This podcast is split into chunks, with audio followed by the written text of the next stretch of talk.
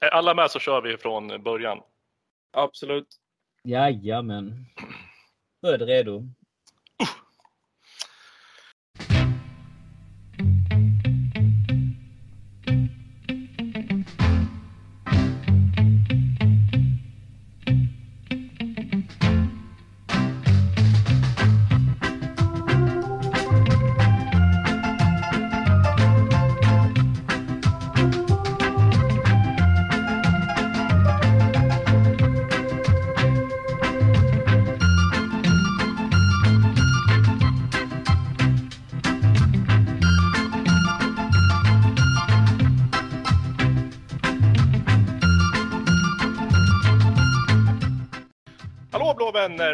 Välkomna till ett nytt avsnitt av CSS-podden. Den enda svenska Chelsea-podden skapad och manövrerad av Chelsea Supporter Sweden. Den enda officiella svenska Chelsea-supporterföreningen med platinamedlemskap i Chelsea FC.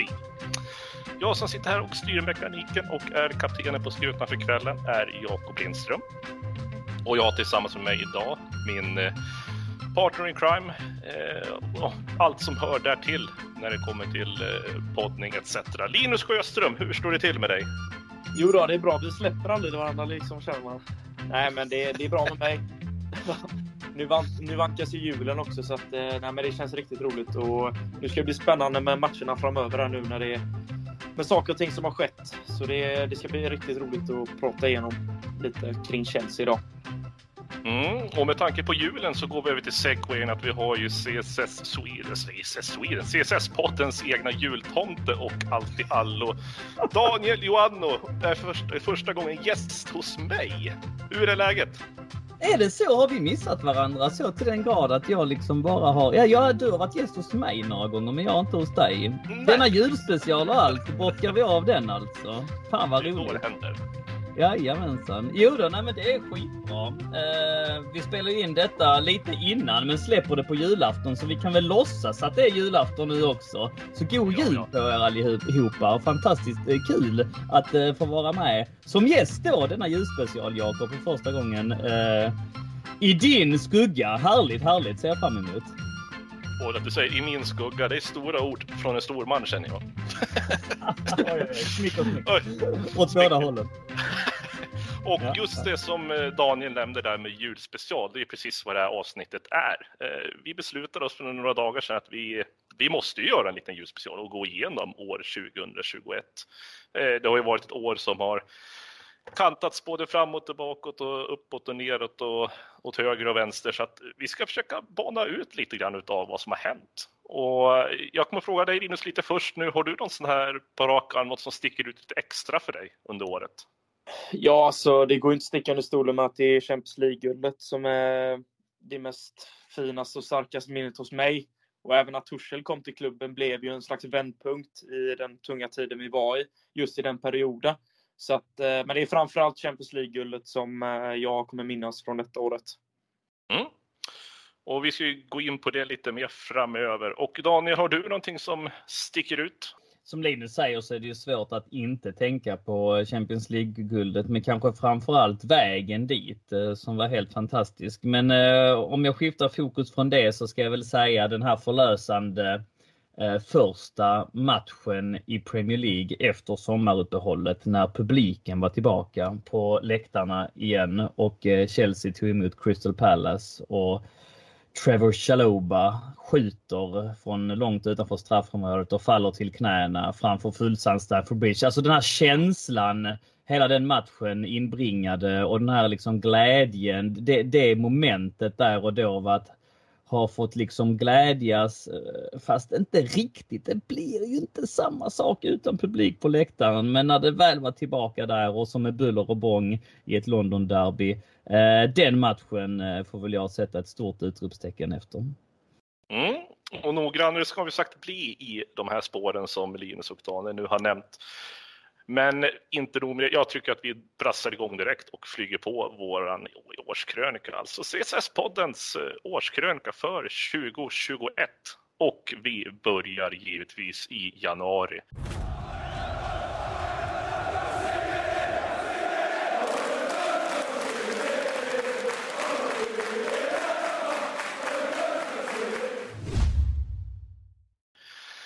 Eh, där ställer jag frågan till dig direkt nu Daniel. Lampards avsked, vi kan ju börja redan där. För att där så mycket innan kan, händer inte så mycket. Men det är slutet på januari som Lampard får lämna och eh, det är många delade läger där. Eller hur var det egentligen? Mm. Eh, ja, var det det egentligen? Det, det, var väl rätt, det, var väl, det var väl rätt väntat eh, och, och eh, även om det kom lite grann som en chock så eh, kändes det ändå relativt rimligt tycker jag i det skicket som Chelsea var just då. Dels om man tittar på de, vad ska man säga, rätt och slätt hårda värdena. Att vi låg på nionde plats. Vi var ganska långt ifrån toppen. Jag tror vi var 11 poäng ifrån toppen. Eh, jag hade spelat fem förlustmatcher av åtta senaste. Eh, hela den, den vintern där när man tänkte att ja, men det här kanske kan gå vägen så gick väldigt mycket fel och framförallt att det kändes som att eh, det blir inte bättre än så här. Va? Vi, vi, vi avslutade året med att förlora mot Arsenal i en match där Arsenal inte alls eh, det, det, gick liksom inte att hävda att vi skulle att det var en orättvis förlust på något sätt. Och så sen så förlorar vi mot Manchester City där vi är helt utspelade och sen så förlorar vi mot Leicester där vi heller inte liksom har någon chans direkt. Och så kort därefter så får han gå. Eh, det är just den här, den här känslan av att vi faktiskt var en storlek mindre och att vi, att vi inte riktigt, alltså det var inte orättvisa förluster på något sätt utan att det blir inte mycket bättre än så här. Det, det, det, fick ändå det hela att kännas ganska så logiskt och även om det finns alltid folk som drar åt ena och, och åt andra hållet så tittat på det rent nyktert um, med lite hindsight gör det ändå eh, som ett ganska rimligt beslut. Även om, även om det som sagt var, var, var, var chockartat och att man, man ville ju inte att det skulle sluta på det sättet. Eh, tyckte jag om Lampard som tränare och eh, Eh, framförallt som spelare och, och, det han har lämnat kvar i klubben. Eh, jag väljer att fokusera på allt det positiva va? Men, men man hade ändå hoppats att den sagan skulle få fortsätta och att den framförallt eh, hade varit mer eh, framgångsrik än, än vad den blev. Men tycker du på något sätt att han skulle ha fått ännu mer tid än vad han hade så att vi kanske hade kunnat få till någonting eh, relativt bra? För jag menar, han gjorde ju bra ifrån sig med material han hade med mm. transferförbud och plockade upp ungdomarna och alltihopa. Men mm. Mm. Hade, vad hade du tyckt att vi skulle kunna gett den i alla fall kanske våren ut eller hade det kanske blivit mer kaos då? Alltså det går ju inte att se bort ifrån det faktum att strategin eh, som har funnits i klubben när man tycker att det här blir inte bättre. Eh, alltså man måste lägga till att Chelsea är inte värst på den fronten. Det finns många som har eh, fingret på avtryckaren och, och, och, som trycker av mycket snabbare än vad Roman gör. Va? Men just den här kombinationen av att trycka av och att eh, liksom nå ett framgångsrecept med det varje gång man, man gör det. Eh, det tycker jag eh, ändå är, är värt att höja på ögonbrynen över. Och, och det faktum att Tuchel sen tar det här laget och får resultat med samma lag och att man att man, man går och vinner Champions League. Det vet vi ju nu att man gjorde. Va? Så det, är ju, det blir ju svårt att argumentera för att det var ett felaktigt beslut. Eh, där och då, ja. Han hade ett gäng vinnbara matcher framför sig vill jag minnas att jag tyckte. Och, och eh, jag tyckte det var synd. Det, det, det, ska jag ärligt säga. Men, men eh, sen så tyckte jag repade mig ganska snabbt efteråt. Ganska snabbt så fann jag mig i den verkligheten. Jag kommer ihåg att jag var på gymmet när jag såg Matt Lars tweet bara någon några sekunder efter att han la upp den. Och att eh, nu, nu åker Lampard och så under gymsessionen så, jag tror det var en timme efteråt, så hade klubben hunnit bekräftat det. Så att eh, eh, det hann sjunka in ganska så snabbt och det kändes som sagt rimligt tycker jag ändå. Och, eh, jag, jag, tror att, att Lampard hade många bra grejer och som du är inne på tog upp ungdomarna, eh, nådde en Champions League-plats en, en, en, en fa Cup-final. Men han hade inte heller de här marginalerna med sig. Jag tror nog att han är en bättre tränare än vad många har gett honom cred för i efterhand. Jag tror att han är en fan så mycket bättre tränare än Ole Gunnar Solskär. Och jag tror också att eh, otur eh, var en stor faktor i det faktum att han inte fick med sig han hade många marginaler mot sig under sin tränarsession eh, hos oss de här 18 månaderna. Men eh, ja, ja, ja, det, det, är väldigt svårt att sitta här och argumentera för att, att han är en bättre tränare än Tuchel. Det, det tror jag inte att han är. Och jag tror att ett lag av Chelseas dignitet eh, behöver en, en tränare av den allra, allra yttersta kvaliteten och det tror jag inte riktigt Lampard kanske är just nu. Nej, och vi ska gå in på Lampard lite mer framöver tänkte jag också. Vi ska jämföra lite med Tuchels spelsystem. Men Linus, mm om jag frågar dig nu Linus, den reaktionen som kom när Lampard fick gå, var det något som var för dig väntat och vad hade du för känslor när det väl kom upp? Jag var inne på samma bana som Daniel egentligen. Alltså, det kändes som att Lampard kunde inte få ut mer av sitt spel egentligen för att många matcher så tyckte jag tyvärr inte det fanns ett spelidé i slutet. Det hände inte så mycket matcher när vi väl behövde förändra i matchbilden, när vi till exempel under, så det skedde inte så mycket. Och jag tyckte alltid att det blev så förändringar så sent i matcherna. Bytena skedde aldrig innan 70 minuten nästan. Jag blev ibland frustrerad, men Lampard gjorde ett otroligt jobb. Det får man inte glömma, som Daniel var inne på första säsongen, när han fick ta över. Vi fick inte värva spelare. Vi fick ta upp ungdomar från egna ledet, vilket var fantastiskt att se. Och man kan se vart de är idag. Det är Champions League-vinnare bland annat. Och, eh, och tog oss till en Champions League-plats och gjorde det fantastiskt bra första säsongen. Men när väl andra säsongen kommer, där han väl får, får in de här stora namnen, så ökar ju pressen direkt. Och leveransen måste komma därpå eftersom att det var inga dåliga namn och inga dåliga prislappar vi satte på dessa spelare. Så att pressen ökar ju från 0 till 100 egentligen om man jämför första och andra säsongen.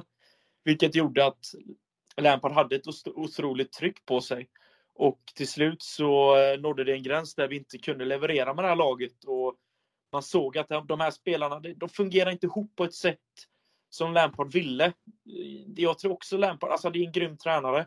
Eh, han fick en säsong i Derby innan han fick eh, visa sig i Chelsea och jag tycker det är, det är fint att han fick ta över den fina klubben han älskar och håller sig tätt intill. Men till slut nådde det en gräns där jag även inte såg det som en större chock att han fick lämna för att eh, vi nådde en gräns där eh, vi tyvärr inte vill leverera resultat och då, då slutar ju den oftast eh, att man får eh, sparka tränare och det gjorde otroligt ont att just sparka Frank Lampard som har brunnit så extremt mycket och brinner för klubben än idag. Så eh, nej, det, det blev inte en chock i slutändan, men det var otroligt tråkigt om man ska summera upp det. Ja, men är det inte ändå ganska, om man tittar på statistiken han hade sista tiden han var i klubben så är det egentligen bara, bara, bara ska inte säga, men det är sju förluster han radar upp innan han får mm. gå. Mm. Eh, mm. Sista, sista matchen gör ju mot Luton och där vinner vi med 3-1. Ja. Mm. Uh, och förlusten igen, det är ju mot Leicester med 2-0. Men jag menar sju förluster på ett halvår, det är ju inte, ursäkta ordvalet, kattpiss om man säger så. Eh, om man tittar på lagen vi förlorar mot så det är ju inte några jätteskrällar eh, i förlusterna. Ni är med mig jag menar. Nej, men samtidigt så de, de två månaderna där som eh, löpte upp till hans avsked, där, där var resultaten för dåliga. Och eh, han hade ett snitt över hela sin karriär på 1,67 poäng per match.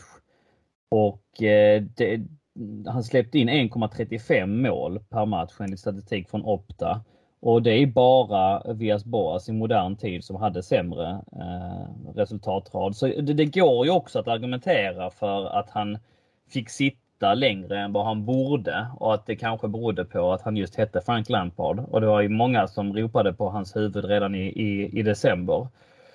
Så att, eh, eh, att han hade, alltså det är ju lite för skönat att han, att han hade liksom, att han gjorde underverk med den här truppen. Man, man, man satsade jättemycket den sommaren. Man eh, fick in väldigt många spelare där vi också vet om att Lampard var eh, drivande i att få in en målvakt till exempel som vi alla såg inte höll måttet. Vi fick in eh, eh Kai Havertz som hela Europa var, var, var efter. Eh, Thiago Silva, en rutinerad eh, spelare i eh, som har vunnit alla troféer som finns att vinna. Så, alltså, en hel, en hel rad nyförvärv dansade in och det skulle gå bättre än vad det gjorde den, den vintern. Så, så enkelt är det faktiskt. Eh, så att eh, jag, jag vill nog påstå att det var en, en underprestation eh, av Lampard. Sen om det är värt att, att sparkas för i sig, det går ju att eh, ifrågasätta. Men som sagt, man låg nia och det här var ett lag som Roman Abramovic och styrelsen ville skulle konkurrera med toppen. Ehm, och eh, man tyckte att man hade liksom en bra grund att stå på, att man tyckte att man hade fyllt på med eh, bra med spelare för att man skulle vara ett hot i toppen och det var man inte. Och eh, man tyckte också att man hade chans att reda upp detta va, med en ny tränare. Och som sagt, det gjorde man. Och vi ska hoppa fram oss till just sista matchen mot Luton där vi vinner med 3-1. Sen går det bara, jag tror det dagen efter, mm. vilket just datum då, men 25 januari, 26 januari som eh, det beskedet kommer att Lampard, 25 januari måste det vara.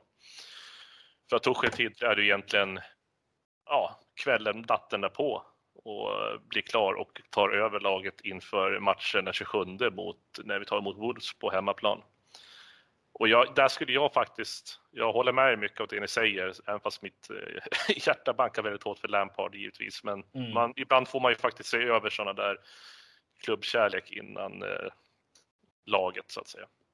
Men mm. vi går in på Wolves-matchen som är Tuchels första match. Eh, det är inte mycket målmässigt där som matchen slutar 0-0, men jag tycker i alla fall att man märker en betydlig skillnad redan då på vad Tuchel vill ha ut utav laget. Att man ser det redan i första matchen. Han har liksom inte haft någon längre tid till att eh, få in sitt system ordentligt i spelarna. Men Linus, håller du med mig där? För kunde man se tendenserna i den matchen att nu, det, är en, det är en ny man på tränarposten här nu som vill något helt annat?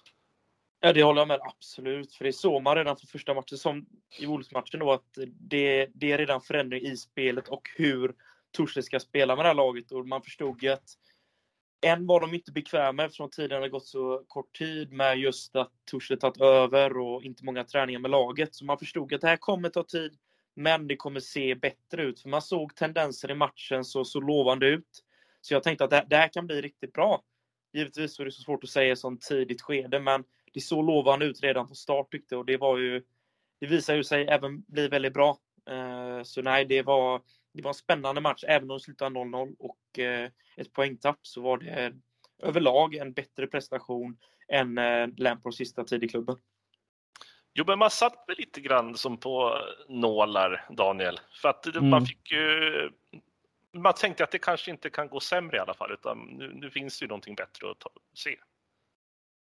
Absolut, och så, så, så, blir det ju när man bygger om att det, ofta får man en skjuts framåt och det kommer in liksom lite ny entusiasm och, och, och så vidare. Man blir nyfiken liksom. Eh, men, men jag håller nog inte riktigt med i den argumentationen då. Jag, jag tyckte inte det såg sådär jättebra ut. Dessutom petade han Mason Mount och jag var lite orolig där första matchen faktiskt och tänkte att jaha okej nu fick man inte heller det där resultatet som skulle liksom skjutsa en framåt utan det blev liksom 0-0 och man vet om att en, en, ny tränare som kommer in gärna ska ha en vinst med sig. Det är ungefär som en, en ny målskytt eh, man värvar in ska gärna göra mål i första matchen. Va? Så att eh, jag, jag, tyckte inte man såg, man såg ju direkt att det var ett, eh, en skillnad på spelsystem. Att man hade gått tillbaks till eh, ja, 3-6-1 eh, alternativt 5-4-1 eller vad man vill kalla det, liksom spelsystemet med, med ytterbackar som är, är liksom en, en, en, tre, en central trebackslinje med, med två stycken offensiva ytterbackar.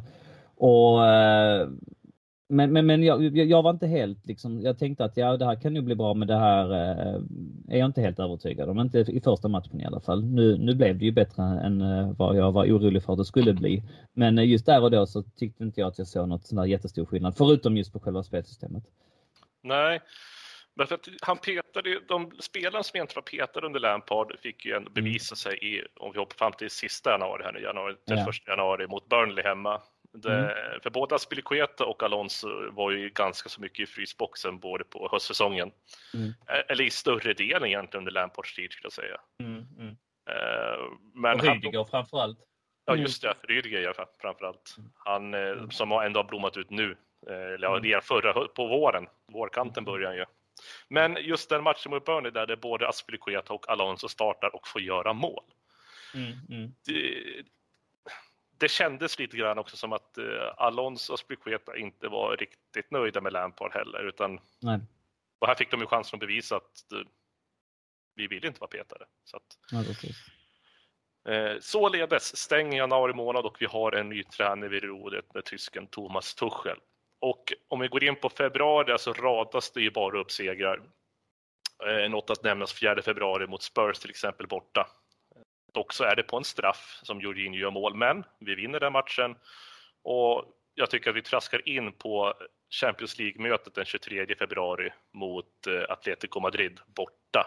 Som man satt och lite tugga naglar på att fasiken det här skulle gå. Eh, Daniel, hur var det inför den här matchen? Har du nog fortfarande ett starkt minne av Atletico Madrid borta? Mm, ja, men det har jag. Ehm, för det första, så som, som, som jag sa, just i första matchen mot Wolverhampton så tyckte jag att det fanns fortfarande fog för att vara orolig. Men här hade ju den det foget någonstans släppt för man hade radat upp en väldigt bra rad och, och som kom att eh, bli ännu bättre. Man hade ju framförallt så hade ju Tuchel täppt till bakåt när man tidigare läckte som ett såll så vi pratade om att Lampard släppte in minst ett mål i varje match, eh, närmare ett och ett halvt i statistiken så gick vi faktiskt eh, eh under Tuchel eh, de 14 första matcherna släppte vi bara in två mål, vilket är smått remarkabelt. Så att, eh, att man tätade till bakåt, det är ju ett faktum och det är väldigt många bra tränare som bygger sina lag bakifrån och det tyckte jag verkligen att man, eh, man, man kunde urskilja här. Eh, så att man, man gick in mot Atletico Madrid och kände att det här kommer nog inte bli något eh, målkalas direkt.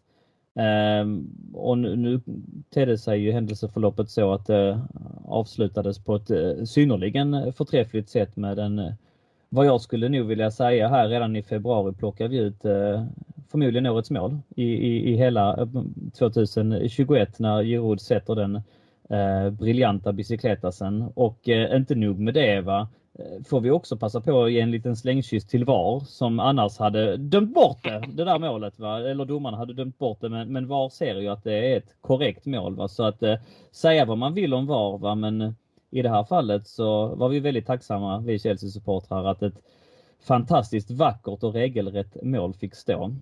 Ja, jag kan säga just den här matchen i Ros cyklar in den där. Det, min första anblick var när de visade prisen, det var ju att det är offside. Men när man börjar få se lite mer inzoomat och att den tar på försvararens eh, smalben mm. där och studsar till Giro, då, som, som du säger, tacka var. Mm. Eh, I vissa lägen i alla fall. Mm. Eh, men som sagt, det är ju mot slutet av matchen som Giroud gör det. Jag tror det är sex slut på 60, eh, närmare 70 som han stänker in det där 1-0 målet. Och vi har ju ett ypperligt läge inför returen hemma sen. Eh, mm. Och efter det här så har vi faktiskt, vi har ju tre tuffa matcher. Vi har United hemma, Liverpool borta och Everton hemma. Mm. Och givetvis ska vi lägga in Leeds borta också, men mm. vi kliver ju alltså in med ett bra självförtroende både mot United, Liverpool och Everton. Eh, United-matchen vart lite si och så, eh, ett 0-0 resultat. Liverpool-matchen däremot, 4 mars, mm. Mm. Och det där målet kommer jag inte glömma som Mount gjorde heller. Jag kan slänga upp en, kanske en topp fyra om vi ska ha en sån lista nu på årets mål. Eh, när Mount driver in, plockar ner bollen ut på kanten, så driver han bara in egentligen i straffområdet. Lite mm. som, ser jag som William kanske brukar göra sina mål. Mm. Eh, och jag tyckte han sätter dit den så enkelt i bortre. Eh, ja, det är jättefint. Ja, det, det, det är inget enkelt mål att göra om man säger så. Nej, men hur skulle du summera om vi tar från Atletico Madrid borta eh, fram till returen då? Som sagt, vi har United hemma, Liverpool borta, Everton hemma, Leeds borta och vi förlorar ju inte. Det utan det är två, eh, två oavgjorda matcher på dem där och resten är vinster. Jag tänkte framförallt innan vi släpper Atletico var ju att Atletico är inget dåligt lag. De, de trummar ju på ordentligt i, i La Liga också. Och eh, på förhand så var det en otroligt tuff match och så vi spelade och skötte matchen och spelade var kort rätt så var det ett otroligt bra resultat på bortaplan. Så man kände ju därefter också att eh, det här, det kan sluta bra. Det är fortfarande en match kvar att spela, men eh, om vi går till Premier League-matcherna så tyckte jag att Chelsea fortsatte på spåret av stabiliteten bakåt. Och som Daniel även var inne på också, att nu börjar det kännas tryggare och tryggare med hur vi spelar det här systemet och man började se tydligare mönster hur spelarna förstod att spela med varandra och hur vi skulle nå resultat. För det gjorde vi inte i slutet med Lampard, men detta var ett mer tydligare fokus på hur spelet skulle fungera och hur vi skulle hantera matchbilderna beroende på vilket lag vi mötte. För det Torsten sa, att han vill skapa ett lag som ingen vill möta. Och det var ett citat som egentligen följde med hela våren och eh, blev ju otroligt fint även att läsa upp när vi hade vunnit Champions League. För vi blev verkligen ett lag som kunde möta alla lag och ingen ville möta oss för att vi skapar ett spel med Torshäll som även idag är, det ser otroligt bra ut. Även nu senare tid har vi släppt in mycket mål, men just under den här tiden så såg det bättre och bättre ut för varje match. Så inför returen mot Atletico så hade jag ett ganska stort förtroende och eh, självförtroende inför den här matchen. Och det, var ju, det blev ju en spännande match. Det är det alltid i Champions League, för allting kan hända. Och Atletico är ett otroligt duktigt lag med Jean Felix och Luis Suarez och otroligt många stjärnspelare. Så att eh, inför matchen så var jag otroligt taggad men ändå nervös. Ja, och sen hoppar vi in då på den 17 mars, alltså hemmamötet mot Atletico Madrid, där vi, jag, mitt tycke, jag skulle säga att vi städar av dem under mm. 90 minuter. Mm. Det är inte så mycket snack om saken. Vi vinner med 2-0, det hade kunnat vara mer, men eh, säkra puckar som man brukar säga. Mm. Och vi tar oss vidare. Eh, och noterbart nu också, nu när vi går in på hoppa lite grann, mars gick väldigt fort här, men ja, det är mycket att rada upp med segrar och oavgjorda matcher. Men om vi går in på början av april, den 3 april. Nu börjar det ju svettas lite grann för att sen Tuchel tog över fram till den 3 april så har vi bara släppt in två mål. Tills mm. att vi möter West Brom på hemmaplan. Mm. Och Daniel, vad hände egentligen West Brom? Det... ja, alltså grejen är att när, när vi fick sådana här resultat, känslan är utifrån synnerligen generella termer är att när vi får, fick det här resultatet här i, i början av april så var det verkligen att West Brom gjorde mål på alla sina chanser och lite därtill. Det var liksom en, en för det blev alltså 5-2 till West Brom hemma på Stamford Bridge, mm. vilket var smått chockerande. Eh, man, man var inte så orolig där ändå. Man kände att eh, det var så pass befängt resultat och det kom tämligen eh, från klar himmel så att när de här resultaten kom mot Lampard där i årsskiftet och i början av januari som vi var inne på tidigare, de här förlusterna mot Arsenal, även förlust mot Everton, förlust mot Leicester sen va. Förlust mot City där vi inte hade en suck, så var det här inte alls eh, samma typ av känsla. Det var bara liksom att ja, det här är ju en, en, eh, en eh, pissematch. Det här eh, eh kan hända med eh, maximal otur. Eh, vi hade liksom 70-30 bollinnehav.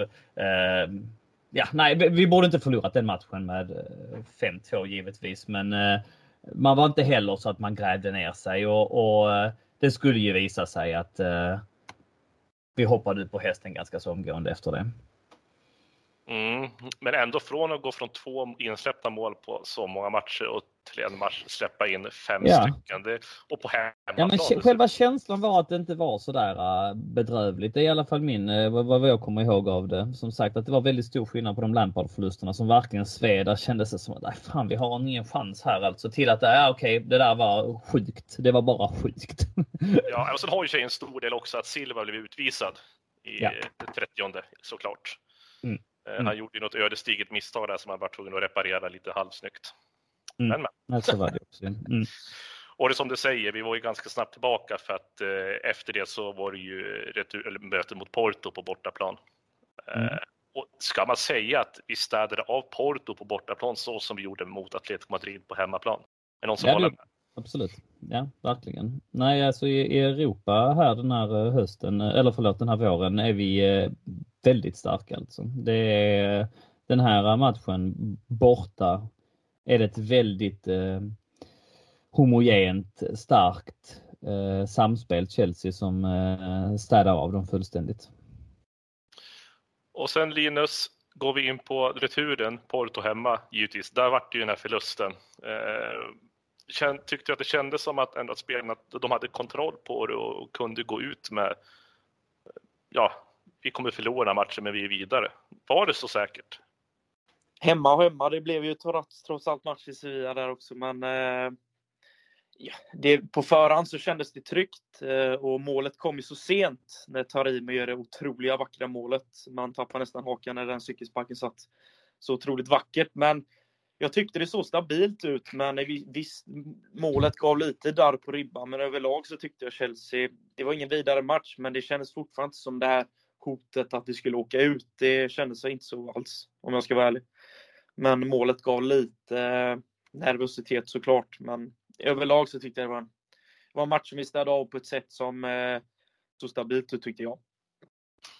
Ja, och vi ska, vi stänger ner just eh, april månad alldeles strax. Vi, ska, vi har en match kvar att gå igenom på april månad här givetvis. Eh, bortsett från det så städar vi av City och vi städar av West Ham borta. Eh, men nu, har vi kommit till den 27 april.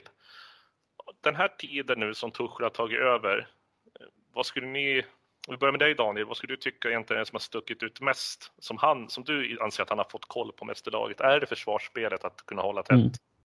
Ja, 100 procent. Eh, man, man har börjat spela, man har börjat spela mer direkt. Man har börjat spela mer kompakt. Det, känslan är att man har börjat springa mer. Eh, men framförallt så är man väldigt solida bakåt och eh, det behövs. Ehm, vi har alltså eh, en, en, en backlinje som har satt sig vid det här laget och med ytterspringare som kompletterar dem på ett väldigt bra sätt, både bakåt men, men framåt också ställer om och, och springer väldigt mycket. Och eh, det finns en annan glöd, det finns en annan hunger, det finns en annan eh, kämparanda här kring det här laget som tyvärr inte Lampard lyckades få ut, ut eh, i alla fall inte under sin sista tid. Så att här är det, infinner det sig en viss eh, trygghet och en viss stabilitet som jag tycker eh, är remarkabel. Och så till den grad att vi har liksom stått för några väldigt fina resultat ute i Europa och att man ska in här inför matchen som du pratar om mot Real Madrid med en ganska god känsla ändå alltså. Håller mm. du inte med om det Jakob? Det gör jag absolut. Och det är nu också som eh, vår bjässe till tysk börjar bevisa sig vara en fantastisk mittback också, alltså Rydiger. Mm. Eh, men givetvis, jag håller med dig, precis det du säger. Och eh, Linus, håller du också med det Daniel säger eller har du några helt andra syner och tankar?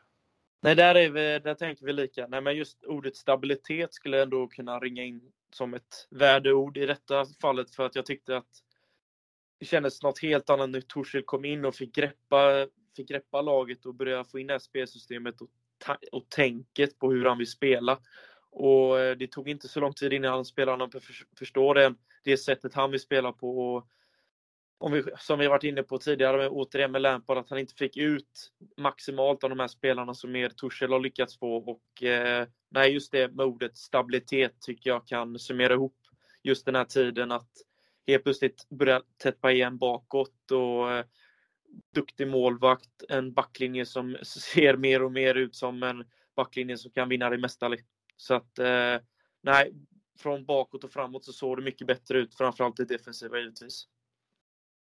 Den här eh, backtrion bör ju sätta sig här också med Thiago Silva som ankaret, som eh, generalen, äh, Rydiger med sitt, sin tyngd, Eh, sitt duellspel, eh, sin lite galna uppoffrande spelstil och så sen Andreas Christensen som en hyfsad balanskloss där som har lite av det ena, lite av det andra. Och eh, för första gången så ser man ju också att eller jag ska säga någonting jag reagerar på här är att jag, jag köper mer och mer argumentet om spelskickliga mittbackar under den här tiden. Va? Att man märker att när, när Zuma kommer in så passar han inte riktigt in. Sen vet jag inte, jag hade inte velat skriva av honom för all framtid. Jag tror kanske att han hade kunnat eh, adaptera sig in i det här spelsättet och anpassa sig och, och, och kunna utveckla sin passningsfot lite grann. Va? Men, men för första gången så märker man hur viktigt det är i Tuchels eh, tankegång och även liksom kanske Eh, generellt för eh, ett Premier League-lag 2021 att eh, ha spelskickliga mittbackar. Och ehm, det är också en, en, en skillnad på det här eh, det här styret kontra det föregående styret där man körde mer med en, en fyrbackslinje och där man inte satt riktigt den, den vikten. Och man märker också att det här med, med en tydlig spelidé när man eh, i Lampards fall körde en långbollar, en kortbollar, en eh, släppte in jättemycket på fasta situationer och samtidigt som man inte gjorde något mål på fasta situationer. Man såg liksom att det fanns en, en tanke, ett, ett helt annat ledarskap bakom. Va? Att det fanns en spelidé som man försökte förhålla sig till. Va? Att det inte var hattigt på något sätt utan det, det, det bidrog till någon form av stabilitet och trygghet i laget vilket eh, detta laget är och då absolut behövde. Ja, jag tänkte tillägga det också innan vi går in på den 27 april. Och vi har ju helt förbisett en person som har varit oerhört behjälplig under den där säsongen och är fortfarande. Jag talar om våran fantastiska målvakt, Edouard Mendy. Mm. Jag tänkte, vi har inte nämnt honom. han borde ju... Ja, men vi nämnde honom lite grann där i början ja. att, äh, att Lampard hade som sagt Kepa i, i, i, sin första säsong. Men nej, det är helt, helt, äh, helt sant. Om man ska lyfta upp en enda spelare, det är kanske inte meningen att vi skulle göra nu va? Men, men nej, jag, jag vet inte om du hade. Ja, men han är ett bra shout i alla fall med, med sin uh, jämnhet över hela året. Alltså det är helt otroligt vad han, uh, vad han har bidragit. Men som sagt, vi, vi lämnar den till lite senare. Då. absolut, absolut. Mm. Alltså den 27 april på uh, Alfredo de Stefano stadion och Real Madrid på uh, borta. Och det här var en match som jag såg, man såg den på TV, det kändes som en, en tv-bild när de dömade. Det såg ut som att det var en träningsmatch i januari på Skytteholms IP. När mm. eh, ja, men AIK möter till exempel Brommapojkarna eller Västerås SK eller någonting riktigt av det var de känslor man fick av tv i alla fall. Men eh, ett, ett resultat. Jag tycker att inte det var så rättvist alls. Vi, eh, även fast vi var på bortaplan så tycker jag att vi ändå hade det andra Madrid-laget under så ganska bra kontroll. Eh, och vi gör mål i 14, Pulisic gör mål i 14 och sen det är inte så långt därefter som Benzema, han gör ju ett kanonmål, han bröstar ner den och slår in den på volley så att men det är ju chanslöst på den. Men om vi ska kort ta den, Real Madrid borta. Linus, vad eh, du, egentligen tar du med dig från den matchen? Du sagt den är jättesvår att bedöma. Det var ju liksom ingen riktig fart i spel och ah, vad skulle du säga? Frustration när Werner bränner det otroliga läget. Eh, vilket gör att det är någonting man tar med sig nästa match också. För jag tyckte som du säger att vi kunde fått med oss mycket mer av den här matchen. Eh, Pulisic mål är otroligt snyggt där han på något sätt rundar, tar ett varv runt Courtois och dribblar förbi och lägger in den snyggt. Men sen kommer ju Benzema också göra ett klassmål. Eh, och därefter så tycker jag vi, vi ser intressanta ut. Men som sagt, det läget Werner bränner, det känns som att mm, det här kan vara något som vi kommer få sota för, för att vi stod för en bra prestation på bortaplan mot ett Real Madrid. Om man kollar till laget så har de ju världsstjärnor på samma, på alla positioner nästan. Och eh, nej, jag var, jag var nöjd men samtidigt var jag otroligt respektfull inför ett Real Madrid på hemmaplan också. För jag tyckte vi kunde fått ut ännu mer på bortaplan. Men eh, jag var ändå nöjd med 1-1. Men det var ett riskabelt resultat. Men hade Werner gjort mål och vi hade vunnit med 2-1 till exempel så hade det sett mycket bättre ut. Men eh, ett okej okay resultat, helt klart att åka hem med 1-1 mot eh, Real Madrid. Men det var, det var sur eftersmak på den matchen. Mm. Daniel, har någon replik på den matchen?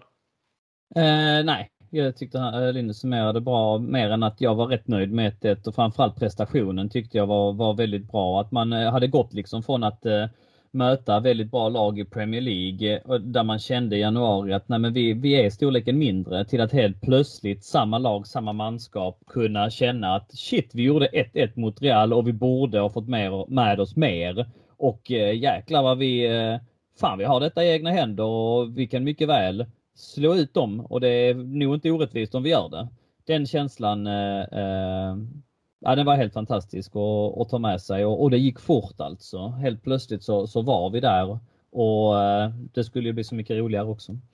Oh ja, för så mycket roligare när vi lämnar april och kliver in på maj, när vi bestämt 5 maj när vi Madrid kommer till Stamford Bridge returmötet. Och det här är en match som ligger mig väldigt varmt om hjärtat. Eh, inte minst för att Werner efter mångt och mycket får göra i princip eh, enklast mål han någonsin har gjort skulle jag tro. Mm.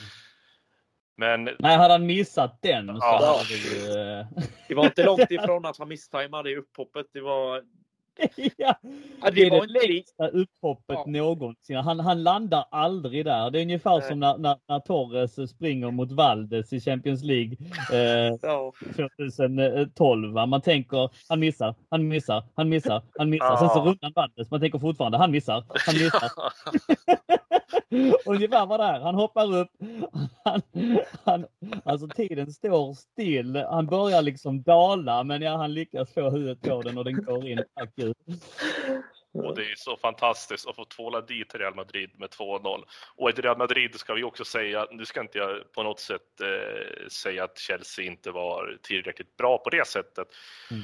Men Real Madrid var ju också inne i en riktigt svajig period. Eh, de var ju inte top notch. Det var ju mycket diskussioner med Zidane fram och tillbaka och det var ju mycket i ligan som hade trasslat för dem. Så att, jag, jag tror det var bra att vi fick möta Real Madrid nu än för till exempel två år sedan.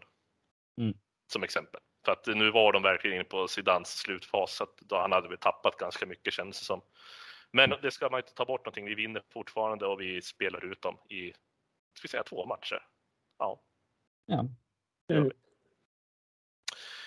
Eh, och efter det så går vi givetvis vidare till det hände inte så mycket egentligen förutom vi vinner mot City på bortaplan och sen åkte vi på två raka förluster, alltså mot Arsenal hemma och mot Leicester hemma. Utan, mm. Men eh, Leicester där hemma, eh, är, är det ju, eh, där, där tittar du lite fel, eller hur? För du tänker på Leicester i FA-cupfinalen, eller hur?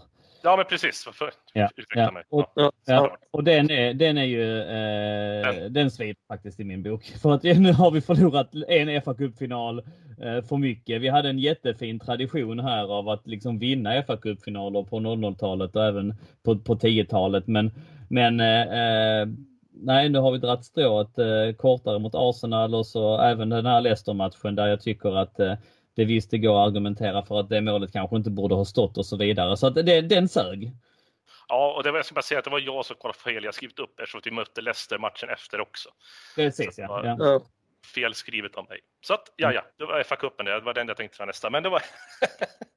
då har vi rättat till det. För att, ja, FA-cupfinalen är sved. Inget mer med det. Men det som var sved lite mer, det var ju när han, eh, Leicester, om det var Amartey. Precis. Som mm. Eh, hade våran vimpel i deras omklädningsrum och kastade iväg den på ett fult sätt. Mm, mm. Eh, och sen mötte vi de här i eh, den 18 maj, alltså tre dagar efter och vann med 2-1. Och jag kommer ihåg att det var ju riktigt heta känslor i slutet på matchen där, bland annat när Amartey var inblandad. Mm, mm. Så ibland tycker jag att det är lite synd att man inte kan få ha en mick vid sådana där större grupperingarna får höra vad som sägs. Eller tycker inte ni det? Ja, nej, men det, det heter till där och det är också en direkt, det blir ju två stycken finaler på rad där för att först så är det ju fa final och det blev lite så här, vad väljer man va?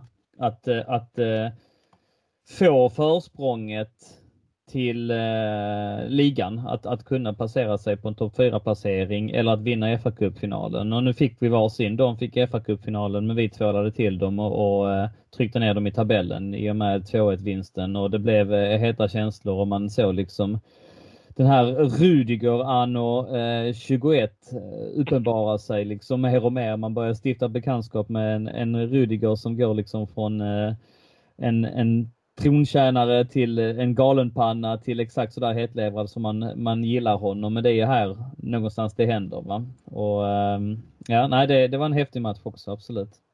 Och något som jag lade märke till i den matchen som har varit kommit efter de matcherna också, när vi talar om hetlevrad och lite mm. galenpanna, vi pratar om Mendy. Att han har också varit en sån här som inte ja. ger sig för att springa in i situationer, även fast de kan vara på mm. andra sidan plan. Så brukar han, han vara väldigt snabb på att springa dit och försöka säga försöka styra upp. Mm. Men det, det, känns som att han också bara är med och käbblar lite grann. Ja, jag tänkte det visar mer på den här lagandan jag tycker Tuchel har byggt upp med det här laget, att det är en för alla, alla för en. Och när man får se Tuchel på det sättet, jag fick nästan gåshud när jag satt och kollade på matchen, hur han går in och liksom söker nästan upp Amartey och sätter han på plats helt enkelt. Och det är så himla skönt att vi just vinner den matchen, för det, det blir liksom som Daniel en extra final, det en extra krydda på hela matchen. För att mm den här vill vi inte förlora helt enkelt. Eh, och på så sätt vi blir förmjukade med den här vimpen och hur man kan så respektlöst även lägga ut sådana saker på sociala medier gör ju att man det blir en extra tändvätska på hela matchen. Det här är ju då slutet på säsongen 2021. Vi möter Aston Villa borta i sista matchen den 23 maj. Vi förlorar ju tråkigt nog. Eh, man vill ju alltid vinna. Eh, Aspilicueta vet jag blir utvisad. Det är, det är också sån här match till mm, det är ingenting som stämmer. Ja, men vi tar ju den bara för att Tottenham vinner mot Leicester. Annars så, eh, annars så fixar vi ju inte eh, fjärdeplatsen. Så att det var väldigt nervösa minuter ändå tycker jag. Och eh, Ja, nej, det var, det var lite störigt att eh, vi inte kunde. Hade vi vunnit den så hade vi kommit över förbi Liverpool också ju, så att eh, nu gjorde vi inte det, men det, det, det, kan man ju ta att man hamnade fyra och ändå, ändå klarade liksom Champions League-spel. Men eh, hade inte Tottenham vunnit mot eh, Leicester i sista matchen så hade det ju, eh, hade ju de gått om. Så att eh, nervöst var det allt innan, innan det resultatet, innan det kablades ut där på läktaren och Tuchel började liksom coola ner spelarna för att han fick ju också de, de rapporterna. Så att eh, ah, lite trist att gå ut på det sättet, men eh, viktigaste var ju att vi, vi klarade fjärdeplatsen. Det var därför Tuchel hade kommit, kommit dit så att eh, den bockades ändå av. Och varför jag sa som jag sa med att det var lugna puckar, det är för att jag visste att vi skulle vinna vid ett senare tillfälle. En viss final som kommer längre fram. Mm. Mm. Nej, skämt åsido. Eh, jag brukar faktiskt inte oftast bli så jättenervös när det kommer till sådana situationer utan eh, jag brukar ha någon form av lugn som säger att det löser sig. Det kan mm. vara dumt i mångt och mycket men i alla fall. Och, ja men det gjorde ju det också. Ja, ja absolut. och vi stänger säsongen 2021. Och bara för att gå igenom den kortfattat, en liten summering om vad vi har pratat om. Nu har vi egentligen bara pratat om vårkanten här eh, vilket som har bäst betydelse för vår årskrönika. Om vi nu radar upp här och jag förstår att ni kommer ju nämna trycka på Champions League-seger givetvis. Men av de här matcherna som vi har gått igenom nu, vad finns det för er som sticker ut? Vilken match skulle ni plocka med er under vårsäsongen? Och vi börjar med dig Linus. Jag tycker alltså Real Madrid på hemmaplan blev en tydlig bild av att jag tror att detta laget kan eh, det kan bli riktigt bra. Eh, för man hade ju mer smak från första matchen där vi fick 1-1 mot Real. Men hemmamatchen mot Real blev någon slags match där jag såg att det här laget kan, eh, det kan bli riktigt bra under Tuchel och eh, att vi vinner på 2-0 mot Real Madrid kändes också som en känns som ett kvitto på det Tuchel även har lyckats göra med det här laget på så kort tid. Så just den matchen var något speciellt för mig eh, och vill gärna ta med den och lyfta den för att jag tycker det det är ett tydligt exempel på hur saker och ting har förändrats på så kort tid för hela Chelsea och för Tursels ankomst till klubben. Yes, och Daniel, vad, vilka matcher du med dig? Jag har sagt vi har en match kvar att gå igenom, men jag tänker nu bara på mm, mm. Eh, ligan och eh, kuppspelet än så länge. Uh, ja, nej, men uh, det är ju Champions League den här våren som man måste uh, haka upp sig på. Att vi, att vi spelar två matcher mot Atletico Madrid, att vi spelar två matcher mot Porto, att vi spelar två matcher mot Real, att vi sedermera spelar en match mot City, men att vi bara släpper in två mål mot det här motståndet, det är remarkabelt.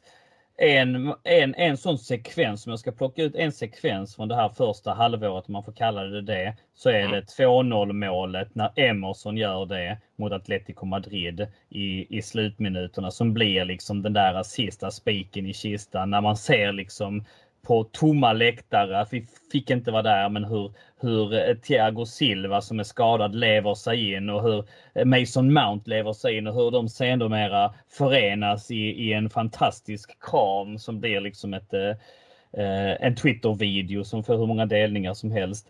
Det momentet där och då. Nu plockade ju Linus Real Madrid 2-0 där mot Eh, Eh, med, med det sista målet av Mason Mount. Det är också en sån fantastisk minnesbild. Va? Men, men där och, när de firar där på läktaren, den, den tar vi med oss.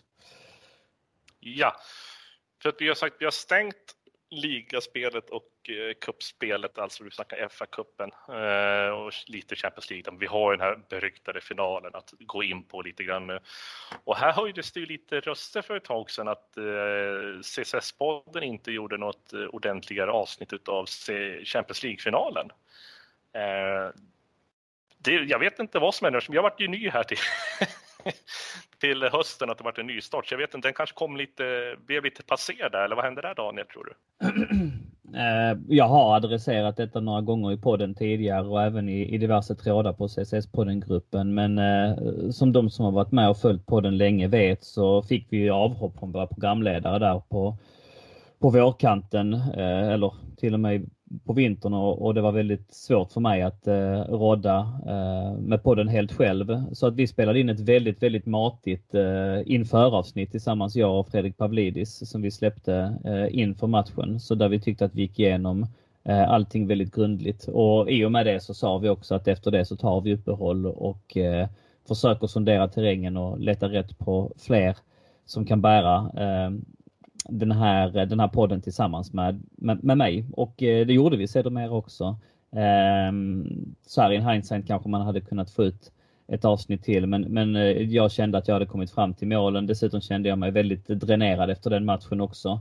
Eh, det hade varit en väldigt utmanande säsong och en väldigt utmanande tid eh, för väldigt många, rent liksom privat, fotbollsmässigt men även arbetsmässigt med allt vad corona liksom ställde till med. Så att eh, det var väldigt skönt att kunna gotta sig i att vara lite ledig och koppla bort och, och, även då planera för framtiden. Och jag tycker att vi har tagit igen det med råge den här den här hösten med, med både dig och Hannes och nya gäster som har kommit in och uh, olika avsnitt av, av olika uh, variation med specialavsnitt och olika gäster och så vidare. Så att, uh, och dessutom går vi igenom det nu. Så ja. Ja, på den vägen. Ja, ja precis. Det som du nämnde tidigare kan vara vi körde mm, en, liten, mm. en liten refresh bara för de som kanske mm. har bort eller inte hört. Mm, mm. Med det sagt så kliver vi in på den 29 maj alltså i år 2021 på Estadio do Dragao.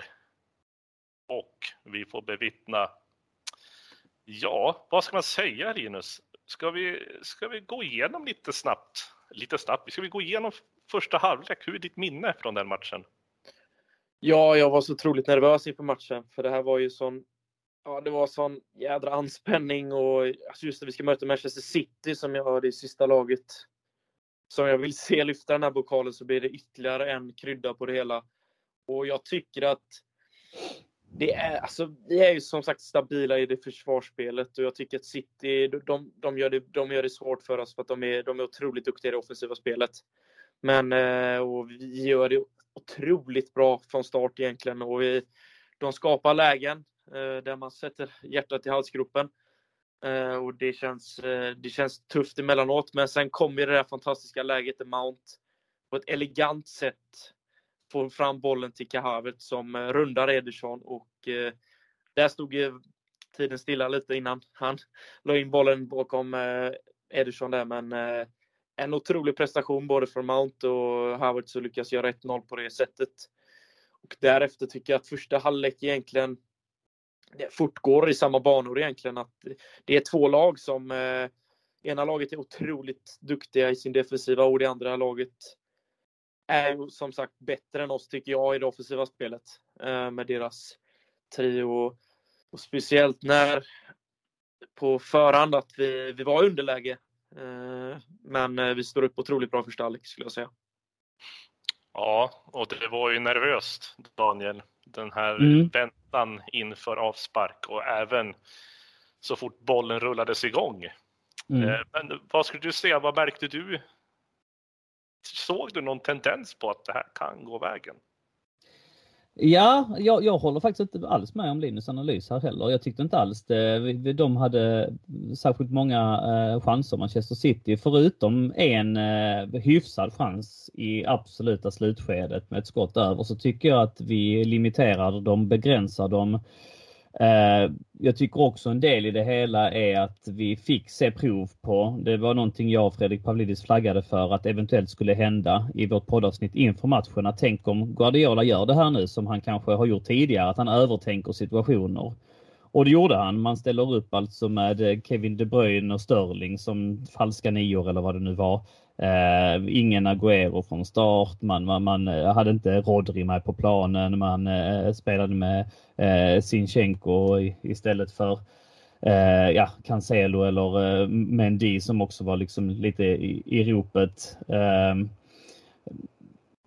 jag, jag tyckte att, att själva laguttagningen märkte man luktade lite att nu har han övertänkt. Nu har han tänkt två, tre gånger och det här har vi nog en chans. Medan vi spelade, ställde upp med absolut bästa lag. Eh, jag tycker också det var rätt då att spela med Aspilicueta i, eh, som en av de tre mittbackarna. Um, ytterbackarna Rhys James och Ben Chilwell har vid det här tillfället också bara växt och, och gått från klarhet till klarhet och Ben Chilwell, eh, så hans vår där när han gör må viktiga mål och, och, och verkligen spelar helt utanför sitt skinn. Man tänker att han kommer dominera i det engelska landslaget. Sen så blev det inte riktigt så. Men eh, nej, jag tycker att det är en jämn match och vi pratade om detta med, med Fredrik Pavlidis eh, innan, eh, som sagt i podden också, sa att det första målet kommer vara nyckel. Det första målet eh, kommer vara livsviktigt och vi får det. Och därefter så är det ju en match som inte går till historien som någon klacksparksfinal på något sätt, men som utifrån ett taktiskt perspektiv och utifrån liksom, eh, de förutsättningarna som fanns där och då eh, spelas av jättebra från Chelseas del. Va? Och jag tycker aldrig Manchester City är riktigt nära. De har en hyfsad chans i slutet men utöver det så eh, en, en eh, fullt rättvis eh, seger. Eh, och, och jubel såklart och, och glädje på tioårsdagen liksom dagen mer eller mindre efter det att vi tog vår första Champions League-buckla också. Helt fantastiskt. Det enda lilla regretet som finns här är ju att eh, man inte kunde ta sig dit och att det fortfarande var liksom stora coronarestriktioner och absolut långt ifrån full kapacitet på läktaren och att den flyttades matchen och varför flyttades den liksom till Porto istället? De kunde väl ha spelat den i England. Det hade varit så mycket mer tillgängligt för så många andra och så vidare. Så att den, den, den, den har jag lite besk smak utöver att jag inte lyckades ta mig dit och att jag inte lyckades kunna, kunna fira den på, på nära hand. Va? Men eh, ja, nu är man ju verkligen eh, kräsen. Man är ju jättelycklig att det blev som det blev i vilket fall som helst. Ja, för på tal om tillgänglighet. Jag sa att du nämnde eh, angående biljettköp till Champions mm. League-finaler och hur man skulle ta sig dit, att det var ju inte helt gratis. Nej, nej, alltså jag hade någon, eh, jag la ut jättemycket trådar för att kunna få tag på en biljett. Va? Och jag, jag, jag hade en, eh, en biljett men den kostade ju eh, en halv förmögenhet och det var jag beredd att betala. Men eh, resvägen dit var, var helt omöjlig också. Det var mellanlandningar och det var olika tester och det var, det var bara när jag vägde ihop hur mycket det skulle kosta för mig och vilka risker det medförde va? och att man var tvungen att göra PCR-tester i mellanladdningen och jag hade liksom en och en halv timme på mig. Och alltså jag satt och strugglade med det här beslutet väldigt länge. Men till slut så eh, beslutade jag mig att det inte var, det, det, det var för, och det var ju jättemånga. Jag följer ju väldigt många supportrar på Twitter. Ty, tyvärr var det inte jättemånga kanske, men det var eh, flera stycken som blev, som inte lyckades få till resvägen, va? som hade ofullständiga dokument och som, som liksom, ja, nös på flygplatsen eller någonting som gjorde att de inte kom fram liksom. Och eh, hade det liksom hänt med, när man är uppe i de summorna eh, så eh, hade jag nog aldrig kunnat förlåta mig själv alltså med, eh, med allt annat som, som pågick där liksom affärsmässigt och med familj och, och allting. Att man skulle bränna de pengarna på att inte ens liksom lyckas komma fram gjorde att eh, jag till slut eh, backade. Så att eh, mm, det var, det var faktiskt svårt att smälta. När väl dagen kom så var man ju taggad till tårna i vilket fall som helst. Men jag hade ju såklart givetvis hellre varit där. Men det tror jag att jag pratar för väldigt många Chelsea-supportrar här i Sverige. Oh ja. Mm. Eh, ja, jag ska bara gå in lite snabbt på det. Eh, ni som undrar om Daniel har varit upptagen, om ni inte har följt honom på Instagram och Facebook så har han ju öppnat en ny restaurang. Eh, ja. Eh, lite smygreklam blev det här nu. Ja, ja. Det tackar man aldrig nej till. nej, precis. Nej. Eh, Reko Sushi om jag inte missminner heter va? Så är det, så är det. Det har varit ett utmanande år, två år.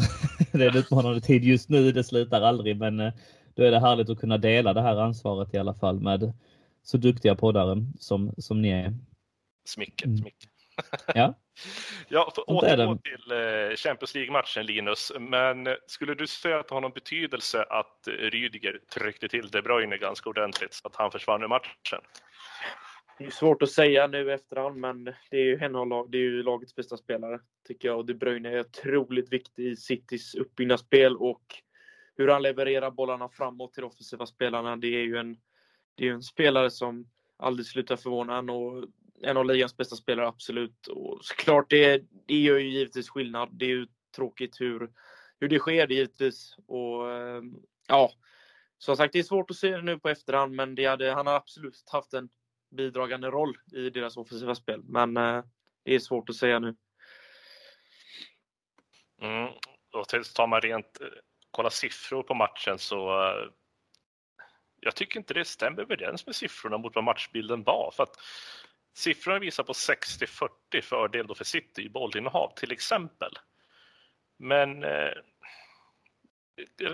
kan någon fylla i med det? För jag känner inte alls att det är på det, var på det sättet. Ja, men det har ju med den andra halvleken att göra. Att eh, Chelsea går inte framåt på samma sätt utan där eh, visar man upp det man har tränat på hela våren egentligen. Bara ett eh, organiserat eh, metodiskt försvarsspel och eh, man behöver inte föra matchen och det är väl en naturlig effekt av att målet kommer där i 42 minuten någonting. Att man sen inte går för, för att uh, föra matchen helt enkelt. Och man vet dessutom om vilket spelskickligt lag som Manchester City är och att uh, här gäller det att uh, riskminimera och begränsa motståndarnas chanser och det gjorde vi. Alltså, jag vet inte vilken statistik du kollar på, men jag får det till här sju skott, ett på mål och City har väl i vanliga fall liksom 25 skott och 10 på mål. Så att alltså, det, det, det var, det var en väldigt eh, gedigen eh, försvarsinsats. Va? Utan, ska man vara helt ärlig eh, så kanske vi inte var värda att vinna 2012. Eh, där finns det ju ett argument att göra att City hade otur. För att, eller förlåt, att, att eh, Bayern München hade otur. De hade väldigt många chanser. vi kom undan med blotta förskräckelsen. De fick en straff som räddades eh, och så vidare. Men, men, i den här matchen tycker jag att vi spelade, vi visade prov på skolboksexempel av hur man försvarar en ledning och det är ingen skam i det på något sätt.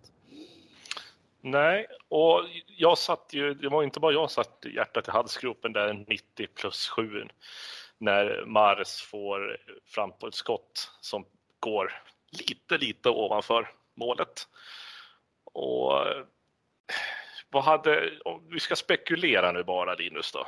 Om den här bollen hade gått in i mål, hade vi orkat stå emot City i 2 gånger 15 minuter? Som vi har varit inne på tidigare, det här försvarsspelet vi visar upp, det är ju är otroligt starkt och imponerande. Och eh, också en otroligt svår fråga att ställa, men eh, City hade nog trummat på ännu mer tack vare om de hade fått in 1-1 målet. Ja, för de är ju ett, eh, City är ju också som lag som är väldigt jobbiga att möta en längre tid. För de, som du säger, de äter och äter och äter tills de mm. verkligen kommer fram. Eh, det är ju lite Guardiola-fotboll. Precis, men det, det som sker i den här matchen, till skillnad från andra eh, matcher för City, är att de inte får in bollen. Får City ett tidigt mål, till exempel på Etihad, då är de svåra, för då trummar de på något otroligt mycket. Och det är eh, det gör ju så att det skapas frustration. Man ser ju Pep Guardiola i matchen hur, hans, eh, hur han sliter sig i håret tänkte jag säga, men det har han inget. Men hur han blir så frustrerad ur Torshäll taktiskt sett spelar ut honom på det sättet som han gör.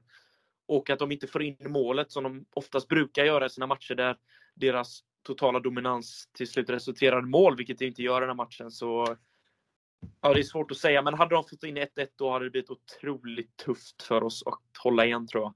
För eh, de såg bra ut fast vi skötte det defensiva jobbet. Fem av fem skulle jag säga. Nu fick de ju tack och lov inte in det där målet utan eh, vi gick ut med 1-0 seger och plockade hem den andra Champions League-titeln. Det som gav var lite surt i det här, det var ju dock att Thiago Silva inte fick slutföra matchen. Eh, mm. Jag tyckte han var ju, han är helt klart värd att få lyfta en Champions League-buckla. Men det fick han göra, men jag tror det hade känts bättre om han hade fått slutföra matchen såklart. Eh, och likadant med att få se Aspilicueta lyfta den där bucklan. Det var också underbart att se. En trotjänare som jag hoppas ändå blir kvar och inte väljer att gå någon annanstans framöver. Med det, mina herrar, så stänger vi då helt nu 2021-säsongen i och med den där Champions League-vinsten.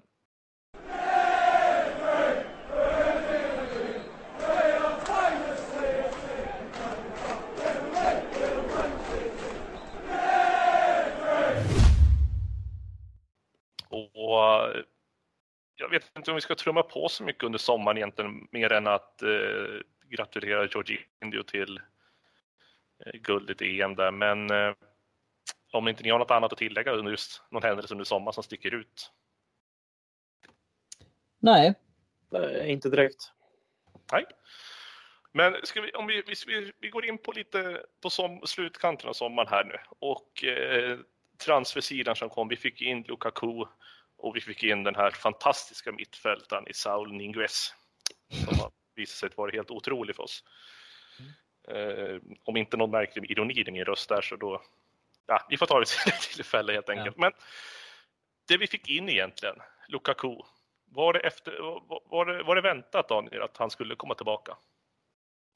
Det var ju väntat att Chelsea var ute efter en anfallare. Sen så stod det ju och vägde lite grann vilken anfallare det var. Men eh, när det väl eh, konkretiserades så tyckte jag ändå att det var ett väldigt logiskt eh, beslut och eh, det gick liksom inte att eh, eh få tag på, eh, få loss eh, Håland. Eh, man gjorde väl bedömningen att det inte fanns något direkt eh, värde i Lewandowski på längre sikt och man landade i Lukaku som, som kändes rimligt. Och eh, där var och då var vi väl alla glada.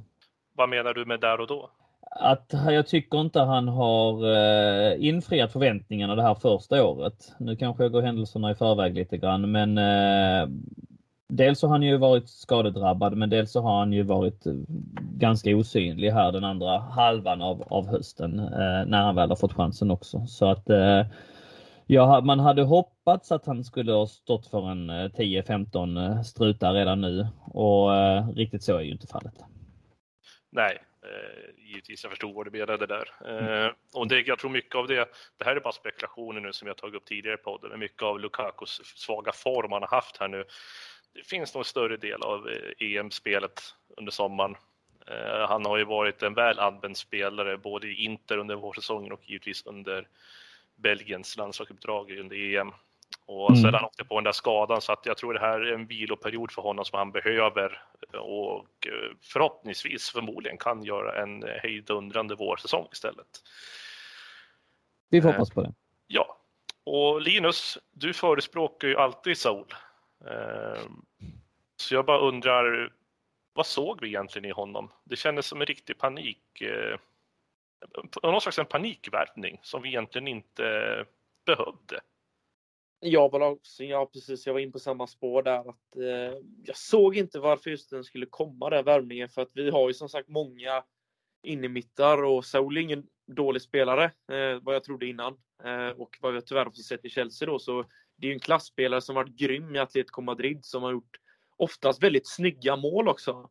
Så man vet ju att han har en känslig vänsterfot på förhand. Så, men jag såg som sagt som du var inne på att varför vi skulle plocka in honom. Det var, det var lite svårt att se anledningen för vi var ju så otroligt starka på innermitten och jag tänkte mest att ja, dela bra på ett sätt att ha en utfyllnadsspelare, men jag vet inte riktigt vilken roll han ska fylla i den här truppen. Så jag var, jag var skeptisk från start. Det var mest bara att jag, att jag undrar lite mer vad Torshäll vill se med en ytterligare med en innermittfältare i laget. Och jag ska inte säga att vi ska inte prata strunt om Saul på det sättet. Han är säkert en jättefantastisk fotbollsspelare, men inte hos oss. Så mycket kan jag säga, bara så att ingen tror att vi... Inte hittills i alla fall. Nej, precis. Ingen tror vi sitter och pratar ner alla spelare, det var mer så. Eh, och det är väl inte de två namnen som sticker ut på vad som kom in i laget. Eh, däremot så har det rört sig åt andra hållet. Vi blev ju av med lite spelare, dock kom ändå på lån, men jag tänker till exempel eh, Billy Gilmore fick ju lämna på lån. Eh, Iris Kennedy. Däremot så finns det någon utköpsklausul på Emerson, så där är det ett lån och ett, ehm, eh, en utköpsklausul. Så den hade man kunnat eh, kanske leka med tanken att kunna ta tillbaks honom nu när vi, Ben Chilwell är skadad. Jag hade hellre haft honom i truppen än, än Marcos Alonso liksom. Men, eh, Men och så vidare. Och så vart vi givetvis av med Tomori till Milan. Eh, ja, den eh, kan man väl eh, stanna upp lite grann vid om, om vi ska prata. Alltså just den här mittbacksflykten. Den är ju lite intressant att kanske väva in just nu med, med, med dagens läge. Va? Att vi blir av med Tomori, att vi blir av med Kurt Zuma och att vi blir av med Mark Guehi. Eh, eller Gehi. Eh, Zuma framförallt tyckte jag var väldigt synd att vi sålde. Mm, och, och, där och då kände man ju också, måtte nu de här kontraktssituationerna lösa sig med alla backar nu i alla fall att några ska vara lösta här innan de går in på sin eh, sex månaders period tills kontraktet tar slut. Va? Och det har det ju inte gjort med någon där vi sitter idag. Eh, det kanske kommer i dagarna, låt oss hoppas det, men där vi sitter idag så är det inte förlängt med varken eh, Thiago Silva, eh, Aspilicueta, eh, Rydiger och mest remarkabelt då Christensen som ska vara nära och har varit nära ända sedan i somras egentligen. Så mot bakgrund att vi också gjorde oss av med en hel rad talangfulla, duktiga mittbackar där i sommar så är inte det skitbra nyheter. Nej, och det känns ju inte jätteaktuellt att plocka tillbaka en Ampado eller en eh, Matt Miaska heller som ska täcka upp eh, försvaret heller, tycker jag tycka. Eh, men var står vi någonstans egentligen då? Alltså, om vi blir av med så mycket backar, varför väljer, kan vi inte välja att fokusera på att plocka in kanske en till mittback? Hade han tänkt satsa på en Malangsar som vi har sett inte håller måttet? Ja, man jagade ju Kunde. Det är ju uh, uppenbart att man, han är Jules Kunde. Men fick inte in honom och, och nöjde sig då med att uh, inte låna ut Trevor Chaloba. Och det visade ju sig vara ett ganska så bra drag. Ja, och det vi fick in eh, den här sommaren, det var ju Bettinelli, målvakt. Han kom ju gratis från Fulham. Eh, Saulo på lån från Atletico Madrid och eh, givetvis eh, Lukaku från Inter. På en ja, en ansenlig peng. Det är ju vad spelare kostar nu, miljarden där, så att det får man ju lov att punga ut. Men om vi ska summera nu. Eh, jag tänkte att på hösten här, den är ju så pass nära för oss så att eh, vi kommer inte gå igenom lika detaljrikt som vi har gjort på våren. Eh, vi känner att vi vill bli lite nostalgiska där. Men om vi ska summera, vi börjar med Saul. Eh, och jag slänger över den till dig Daniel, jag vill höra dina åsikter om eh, den här centrala mittfältaren. Eh, mm. Är det någonting du ser potential att vi ska fortsätta dras med eller är det något vi ska lämna bort i januari helst? Nej, det här är den, eh, det sämsta jag har sett ett nyförvärv prestera sedan eh, Manish, skulle jag säga, på 00-talet. Så att eh, det är jag tror han har kommit så pass snett in på det också va? så att det, det, blir inte någonting av detta. Utan här är det, om det finns någonting eh, att göra, eh, om det går att bara aborta det här missionet så tycker jag att man ska göra det. Eh, jag, jag, tycker dessutom att folk försöker vara lite snälla mot honom här och påstå att han hade en bra halvlek mot Wolverhampton. Han blir fortfarande av med bollen jättemycket och ja, han var väl mindre usel eventuellt men, men alltså nej, det, nej, det här, är, det här är riktigt dåligt alltså. Det är eh, katastrofalt. Och, och det här, tyvärr den här eh, desperata eh, viljan från Tuchels håll att testa honom i mitten och testa honom som offensiv mittfältare och ner på ytterbacken och mot Everton var han uppe och snurrade som anfallare. Nej, alltså, och han misslyckas överallt. Det, nej, det här är, ehm, det här är riktigt uselt alltså. Om det går så skicka tillbaks honom i januari och lyft upp Lewis Baker från U23-truppen. Det kan inte bli sämre. Nej, absolut inte. Eh, och Linus, om vi tar din syn på Lukaku, Ja, jag trodde jag skulle besvara frågan om Zoul, men jag tror vi kan släppa honom känns det som. För att vi alla är ganska delade om vad vi tycker och känner. Ja. Eh, nej men eh, skämt åsido, Lukaku har ju tyvärr inte kunnat leverera på det sättet som jag hade trott. Och som Daniel var inne på att 15 baljer hade ändå varit en, en summa av mål som jag skulle kunna tycka var godkänt och mycket bra just nu. Men eh, tyvärr är vi inte i det läget och skador och corona har kommit i vägen. Men jag tycker det är ah, det är klen tröst eh, för att det här är en spelare som kan mycket mer än vad han har fått bevisa i Chelsea. Eh, men eh, jag tror säkert att hans målskörd kommer komma igång. Eh, förhoppningsvis ganska snart när han är tillbaka från eh, KB där nu. Så, eh, men det är, det är dags för att steppa upp. Även om vi kan eh, göra mål på flera olika positioner och eh, mycket från de defensiva spelarna så tycker jag att jag hade förväntat mig mer av Lukaku och jag tror garanterat att han kommer få in bollarna, men det är dags att börja få in dem nu för att eh, ligan börjar bli lite svårare om man kollar till tabelläget. För City, de trummar på ordentligt nu. Jag känner så här att ni två Daniel och Linus. Ni ska få... Får jag, får jag bara flika in eh, lite grann innan vi knyter ihop höstsäcken här att vi har ju några fantastiska, innan vi går in i den här lite jobbigare perioden som vi måste väl ändå omfamna att vi är i just nu va. Så, så har vi ändå några riktigt fina skalper här i höst också. 3-0 mot Tottenham, 7-0 mot Norwich. Kanske framförallt den finaste matchen av allt. 4-0 på, på suveräna Juventus som kanske inte är så suveräna längre, men ändå ett så fint storlag som det är. va. 3-0 mot Leicester. Det finns några riktigt, riktigt bra matcher där vi spelar riktigt, riktigt bra fotboll innan vi går in i, i den här lite, lite tyngre perioden som vi är i just nu. Eh, där vi bara har en eh, vinst på de sista fem matcherna. Så att eh, ja, vi har spelat väldigt bra här i höst och låt oss liksom skaka av den här sista eh, raden matcher illa kvickt och hitta tillbaks till det. Ja, men just det här med december och Chelsea har ju inte alltid mm. varit guld. För, alltså det har ju varit i många år just december månad inte, det är ja. inte vårt bästa. Ja, november brukade det väl vara, men så hade vi ja. en katastrofal december förra året och tyvärr så brukar ju liksom agnarna skiljas från vetet just i december med det tajta spelschemat och nu har vi otur här också med väldigt många skador och, och väldigt eh, liksom eh, coronadrabbad trupp som Linus precis var inne på. Och det är ju, står ju bortom rimligt tvivel att Tuchel och, och, och Chelsea tyckte att man borde fått eh, helgens match mot Wolverhampton eh, prosponad, liksom framflyttad, eh, förflyttad, men så blev inte fallet. Så att eh, det, det, är rätt mycket hot att eh, tampas mot, mot just nu. Va? Men eh, ja, nej, eh, december eh, har onekligen inte börjat bra. Men det finns matcher kvar i, i denna månad och ja, de är, de är vinnbara kan vi väl säga. Men vi ska blicka framåt lite senare, eller hur? Ja, precis. Vi har en lyckad Champions League-lottning och ta itu med också. En skrivbordslottning så heter det. eh, så, nej, så eh, sorry, jag, jag, tänkte ändå att det var värt att nämna i argumentationen här. Nu kan du gå över på eh, vad det nu var. Eh, Givetvis. Vi ska gå in på framöver efter att eh, ni två har medverkat i ett eh, litet årsquiz.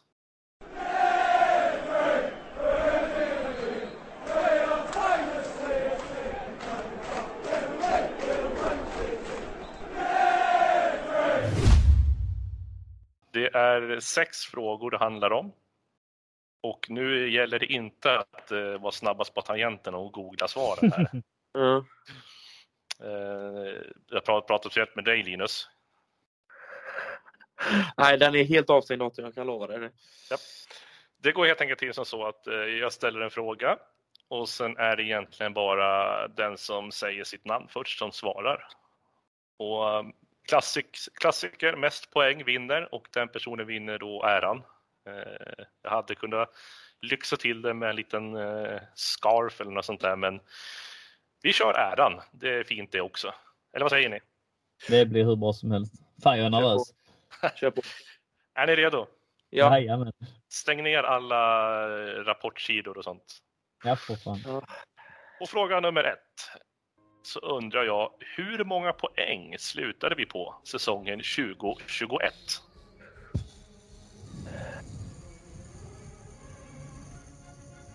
Är det närmst vinner eller måste man ha rätt totalt? Vi kan väl säga att det är närmst som vinner på det här då. Ja. Daniel. Ja? 71. Mm. Linus, vill du chansa på något du också? Ja, jag, alltså, jag, jag tror 71 är rätt, men jag skulle säga 68. Då är det så här, mina herrar, att vi slutade på 67 poäng. Fan. Så 1-0 till Linus. Ja, det var taktiskt att vänta utan. ja. ja, det var ja, det är otroligt fult gjort Daniel, jag måste ursäkta. Ja. Ja, Men, eh, ja, så det, jag, jag, det var tak, taktiskt att svara först. Ja, mm. Mm. Uh, vi mötte Brighton borta i första matchen för säsongen 2021. Men hur mm. slutade den? Linus? Ja? 3-1. Det stämmer mycket bra. Daniel, han kommer nog snart. Ja, nu är du på sparken. Vilken var den största vinsten under 2021-säsongen? Ja. Måste vara Norwich 7-0. Ah, under säsongen 2021. Ja, just det. Ja men vi pratar väl om året 2021? Nej, säsongen 2021 sa jag. Säsongen 2021? Uh, Ja. Linus? Ja, Jaha, okej. Oh, eh, nej. Nu vet jag inte. Var det Pallas hemma? det säger jag inte. 4-0. 4 4-0. Ja men då säger jag Palace. Ja, förlåt. Ja, Daniel, jag har sagt. Jag har Får jag en ny gissning? Du tänker ju inte på att alltså, 2021 betyder ju också 2021. Å- året vi är inne i liksom. Nu fattar jag att du menar säsongen 2021. Mm, Ja. precis. Jag, jag sa säsongen 2021. Ja, säsongen 2021, ja precis ja. ja. Mm. Mm. Ja. Så, så, så vad säger ni då? Ja men jag säger Pallas borta 1-4 vet jag att vi vann. Men jag, det kan ha varit någon eh, mer där som... Eh, jag har ju kollat eh, inför den här eh, eh, poddinspelningen så kollar jag ju på året 2021 och då vet jag om att eh, vi, vi vann mot Men det kan vara någon där på, på, på hösten som jag har missat någon, någon, eh, någon storvinst. Men eh, ja, Pallas borta 4-1 blev det i den matchen i alla fall. Mm, och du Linus, du, du tänker samma du? Men alltså 4-0 Nej. så. Ja, jag sa 4-0.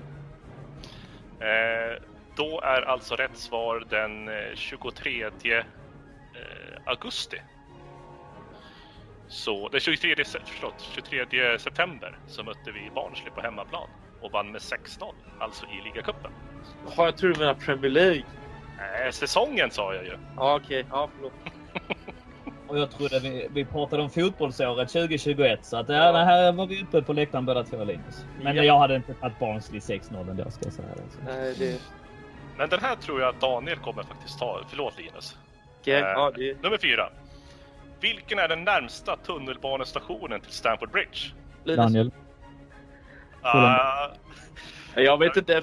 Heter det Fulham Road eller något? Jag chansar bara ja, du säger Fulham Road, vad säger Daniel? Ja, Fulham Broadway. Ah! Det var rätt svar. Nummer fem. Vem var det som var coach då Chelsea tog sin första ligatitel? Daniel. Ja, Ted Drake. stämmer mycket bra. 2-2. Och det är ju jämnt nu på sista frågan. Ja. Oj, oj, oj. Nummer sex. Avgörande. Vem var den första spelaren att vinna Golden Boot i Premier League i Chelsea? Linus. Ja, Är det Frank Lampard? Ja, får jag gissa på den också eller? Nej. Jajamän. Golden Boot menar du alltså skytteligan då? Just det. Precis. Ja, det är det. Ja. Ja. Nej, det måste ju vara Peter Osgood. Eller är det Premier League i moderna Ja, det- Premier League? Ja, Ja, precis. Det är Premier League. Det är Premier League, ja men då Ja. i så fall så är det eh, Jimmy Floyd Hasselbank.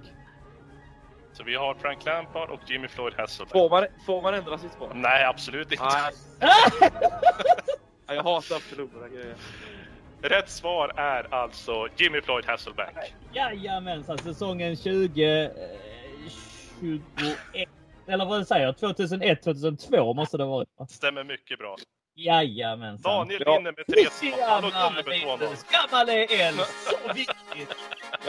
Ja, mig! Gratulerar Daniel, du får äran att vara CSS-poddens årskrönik-quizmästare. Ja, tack så mycket. Du kan få en extra ros i kommentarsfältet sen när det här avsnittet är ute. Linus, är du kvar eller har du stängt av? Nej, det är, jag är kvar på något sätt.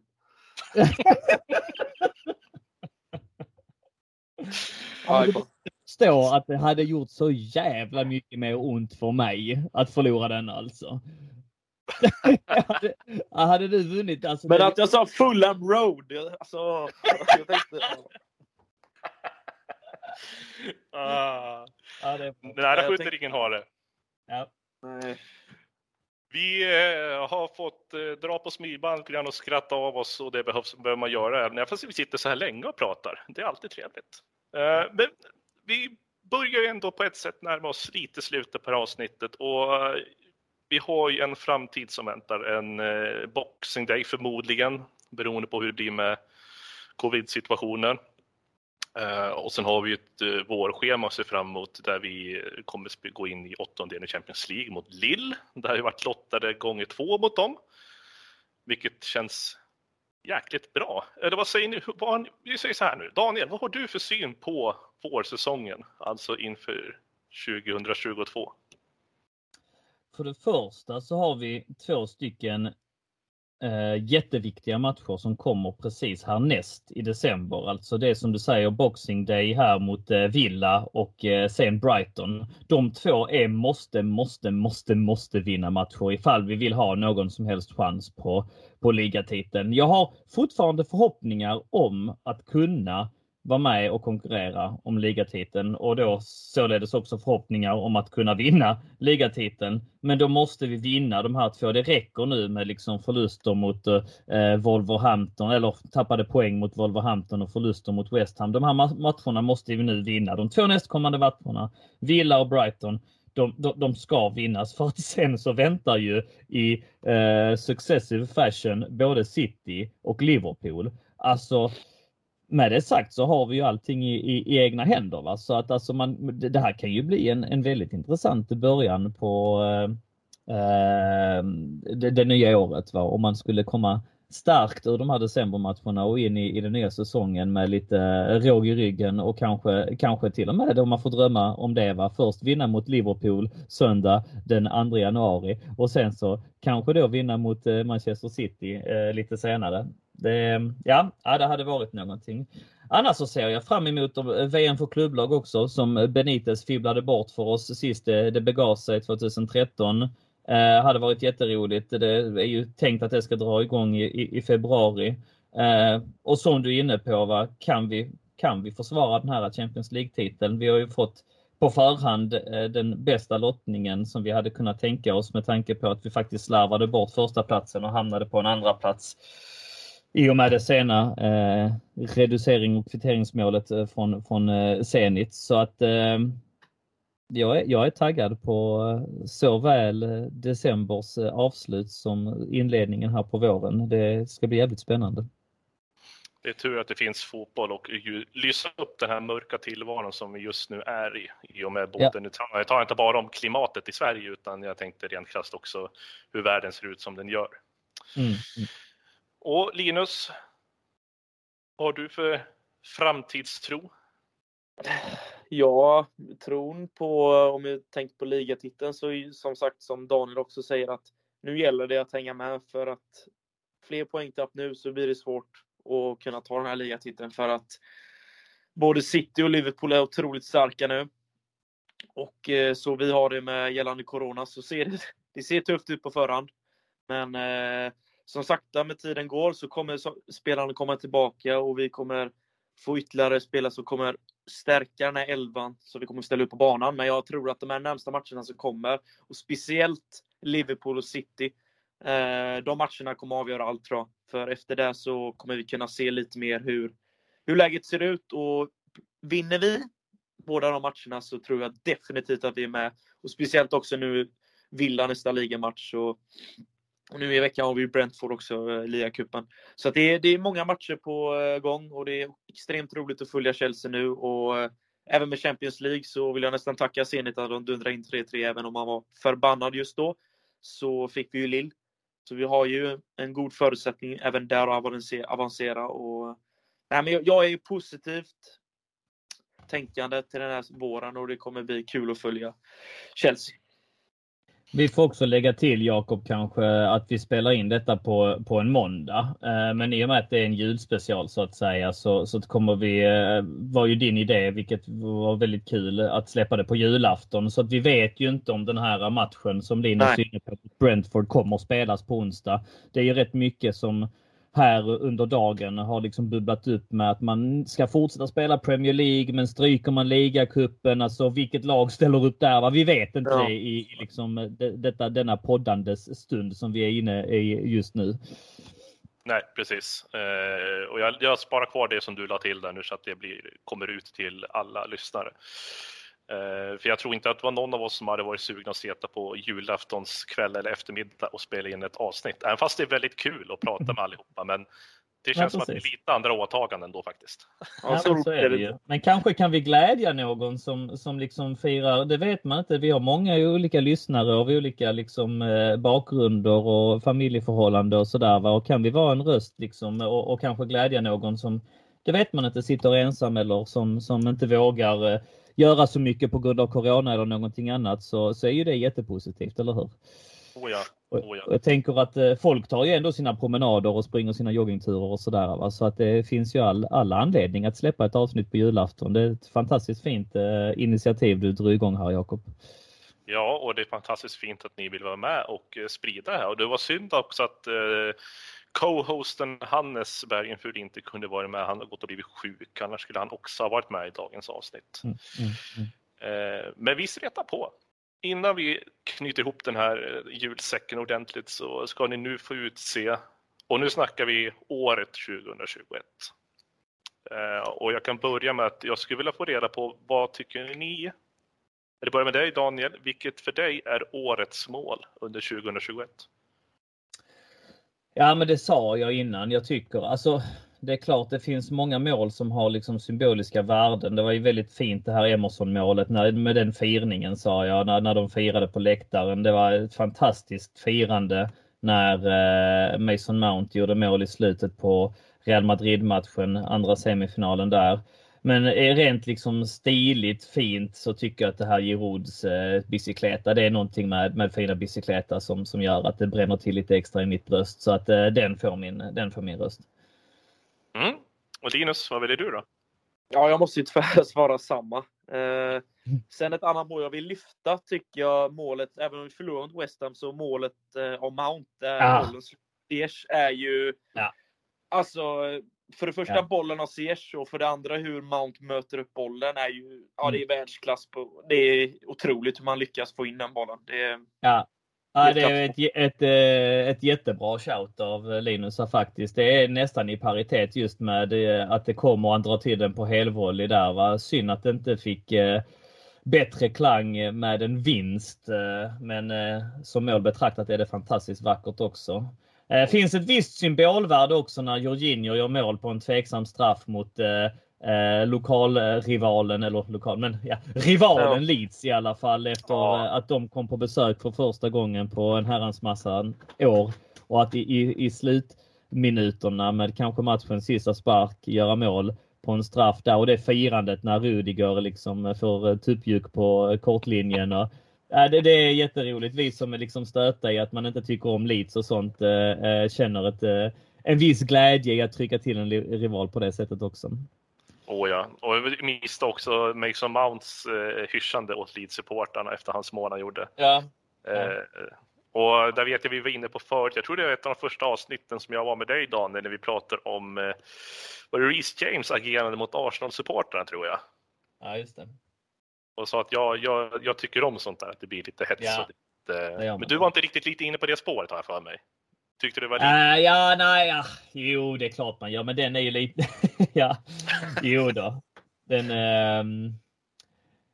Uh, jo, jo, men det tycker jag. Men, eh, men man kanske inte ska liksom uh, dra det allt för långt heller. Uh, ibland sådär. Det, det, det är en hårfin balansgång, men allt som oftast har vi hamnat på rätt sida av den tycker jag ändå. Ja, precis. Och skulle, om jag skulle välja ett mål, mm jag har givetvis Girouds eh, bicykleta med i listan, men det vurmar något extra för målet mot City i finalen, Mounts passning mm. till Havertz, just i själva förspelet där som jag tycker är så underbart. Alltså den passningen sitter precis i löpsteget på Havertz och sen att han får runda och peta in den där. Jag, jag har nog, alltså Girouds den är svår som du säger, rent stilmässigt den är väldigt svår att plocka bort. Mm. Uh, och det allra sista ämnet vi går in på, och nu får ni välja helt fritt från 2021. Vi säger match, händelse. Vilket är det som har eh, satt, gjort störst avtryck hos er? Och ska vi nu vara så taskiga att vi kan bortse från Champions League-finalen, Champions League-vinsten? Annars hade den varit ganska logisk att slänga in där, men om vi säger match eller händelse under år 2021 och vi börjar med dig då Linus. Ja, vi har ju varit inne på Champions League där. Jag tog upp Real-matchen innan. Men om vi ska ta en annan match så eh, tycker jag faktiskt i augusti att när vi tvålade dit Arsenal på bortaplan. När Lukaku får ju mål direkt och där hade jag ju redan mina visioner att det här kommer bli otroligt bra. Så den matchen på efterhand kändes ju som en riktigt skön känsla i magen att vi vann mot dem. Eh, och på det sättet vi gör det. Eh, tycker jag var riktigt skönt. Sen är eh, eh 2-0 blev det också. Jag sa nog tre felaktigt av mig. Eh, men jag ville också lyfta Tottenham, så jag vill egentligen säga två matcher. För Tottenham också, när Thiago Silva gör 1-0 så tänker jag att det här ser bra ut. Och sen Kantés klassmål är ju ganska roligt att klassa som ett snyggt mål. Men, eh, och även att Rudiger sätter ett, ett mål. Det, det är dock ett klassmål skulle jag säga, för det är nästan som ett, anf ett an en klassisk anfallare som gör det målet om man kommer upp, möter och skickar dit den. Det var ett, ett otroligt snyggt avslut. Så att de två matcherna vill jag ändå lyfta. Mm. Och Daniel? Ja, men då väljer jag den 2 eh, november i år, denna höst, när eh, Chelsea kom till svensk mark och eh, på ett sällsynt manöver tog emot Malmö, eller spelade mot Malmö. En rätt så tråkig eh, avslagen match, men eh, eh, jättekul att få till en CSS-träff. Jättekul att eh, vara där och, och rigga ihop alltihopa och sätta upp vår fina CSS-flagga, vår tribute-flagga till Fredrik Pavlidis dessutom, som är en integrerad del av, av supporterföreningen fortfarande och även podden.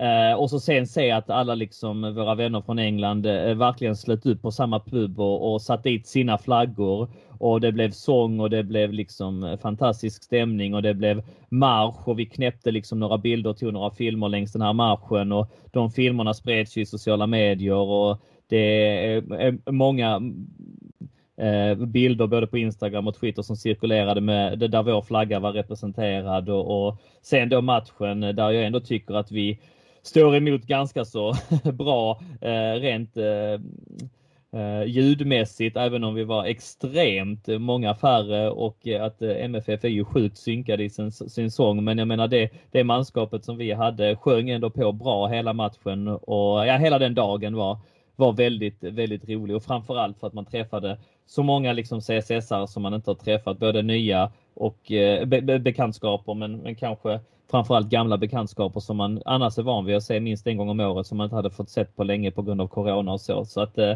den dagen lyfter jag gärna fram och, och kommer ihåg med ett stort leende på läpparna. Låter alldeles fantastiskt. Och... Men eh, eh, Jakob, får jag lov att eh, eh, nämna en spelare också? För att det hade jag mm. faktiskt förberett. Jag trodde vi skulle ta eh, årets spelare också. Men du kanske vill nämna din match först? Nej, jag, jag tänker inte välja en match, jag tänker välja en händelse. Ja, ja. Och det var det vi lite kom in på nu, för jag tänkte mm. rekryteringen av Mendy. Ja, du tänkte ta den ja, vad bra. Men då är det någon som tar den i alla fall. Men den skedde och för sig inte i, i januari, den skedde ju året eh, innan. Men eh, jag tänker att de frukterna skördades ju under 2021 på ett helt fantastiskt sätt alltså. För visst han, har han varit lysande. Men eh, i, i år hittade jag en sån optastat, alltså att eh, från den 1 januari till den 30 november nu har det kanske dalat lite grann för att vi har varit eh, dåliga i december, men jag menar nästan sett över hela året så har han alltså 78,6 i räddningsstatistik, vilket är helt fantastiskt. Och, mm. och, det kan jämföras med Jan Oblak som har 69,2, Ederson som har 67,6 och eh, Neuer som har 66,7. Och jag skulle vilja säga sett över hela året, om vi nu håller oss i 2021, så är West Ham förlusten här eh, Eh, under hösten den enda plumpen i protokollet. Där kostar han oss en straff och han borde förmodligen ha räddat 3-2 målet. Men jag kan inte komma på en enda match under hela året till där man säger att oh, den där bollen kanske han borde ha tagit eller ja, där kostade han oss poäng eller någonting. Utan det, det är den matchen eh, som han faktiskt inte kom upp i, i rätt nivå. Annars tycker jag att han har varit eh, helt fantastiskt det här året faktiskt. Ja, och alltså få se och ha en sån målvakt som är så uppoffrande som han är eh, och går ut och täcker med alla kroppsdelar han har. Mm, mm. Eh, vi pratar liksom inte bara händer och fötter, han går ju även dit med ansikte också och trycker till om det skulle behövas. ja, precis, så ja. Det är det som är enda lite oroligt med honom, det är att han kan stå så högt upp på plan ibland. Det har jag märkt några gånger. Att han det är lite den så att han har vandrat ifrån sitt straffområde ganska mycket. Eh, och det har man ju sett många lag har försökt lägga in en långboll mot, men det blir inte ofta så lyckat. Men eh, det är väl något som man skulle ta med sig som är lite halvvanskligt från hans sida. Eh, annars är ju i mitt tycke, eh, ja, den bästa spelaren under hela det gångna året. Mm. Linus, har du någonting som du vill tillägga på Mendy? Nej, inte. Jo, det ni har sagt håller jag givetvis med om. Men sen skulle jag ändå vilja lyfta Jorginho som en i mina ögon har gått från en spelare som var lite halvdan när Sarri tog över, att han tog med honom från Napoli där han skulle bli den här spelfördelaren. Men från en början så var han ganska, det var en spelare som tappade en del boll på mittfältet och gav ganska många chanspassningar som var lite 50-50 om de skulle gå fram lite. Så det var ju, till en början var jag ganska, jag var lite osäker till hur Jorginho skulle passa in i den engelska fotbollen, men han har ju vuxit in extremt bra. Med, speciellt under Torshäll då skulle jag säga.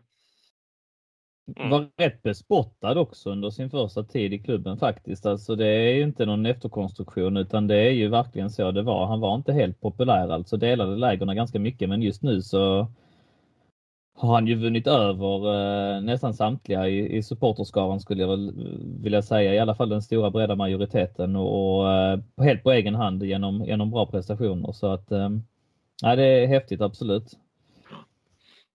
Och sen givetvis lyfta fram Reece James. Eh, våran egen. Han eh, har ju hittills stått för den här, i alla fall på höstsäsongen, en fantastisk prestation. Och eh, hoppas att, eh, det har vi tagit upp på den tidigare också, hur bra kan den här personen bli? Eh, kan han bli han ännu bättre än det här, då är det ju eh, då är det helt fantastiskt. Och som också verkar ha ett hjärta som slår varmt för klubben, likaså som Mason Mount. Så att jag hoppas att det här är de den nya generationen som eh, kan också bibehålla sig och stanna kvar istället för att tänka för mycket på pengar. Eh, ja, mina herrar. Jag tycker att vi har gjort en eh, väldigt bra årskrönika. Vi har gått igenom väldigt mycket och vi har quizat och vi har haft oss och vi har sett fram emot vårsäsongen.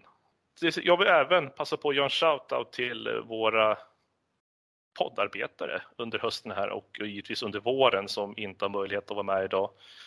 Eh, och jag kan, det är Hannes Bergenfurt som är co-host som varit med under hösten här. Eh, Sofia Almroth och hennes inblick på eh, Chelseas damsida. Fredrik Temme som var med flitigt under hösten och eh, Fredrik Pavlidis också varit med och givetvis eh, nytillskottet på E-sidan Christian Zome som har kommit upp som lite gubben i lådan. Så stor shoutout till er för att ni också har varit med. Det, som sagt, ni som lyssnar på det här nu, då kommer det vara jul, julafton. Så att jag vill passa på att önska er lyssnare en god jul och tack för att ni har varit med under det här året. God jul på er allihopa. Tack så mycket för att ni har lyssnat och tack för all stöttning vi får hela tiden. Det uppskattas eh, jättemycket. Jag hoppas ni har haft det roligt med oss detta poddår. Och så är det nya tag om eh, bara en liten stund när det nya året inleds. God jul på er allihopa!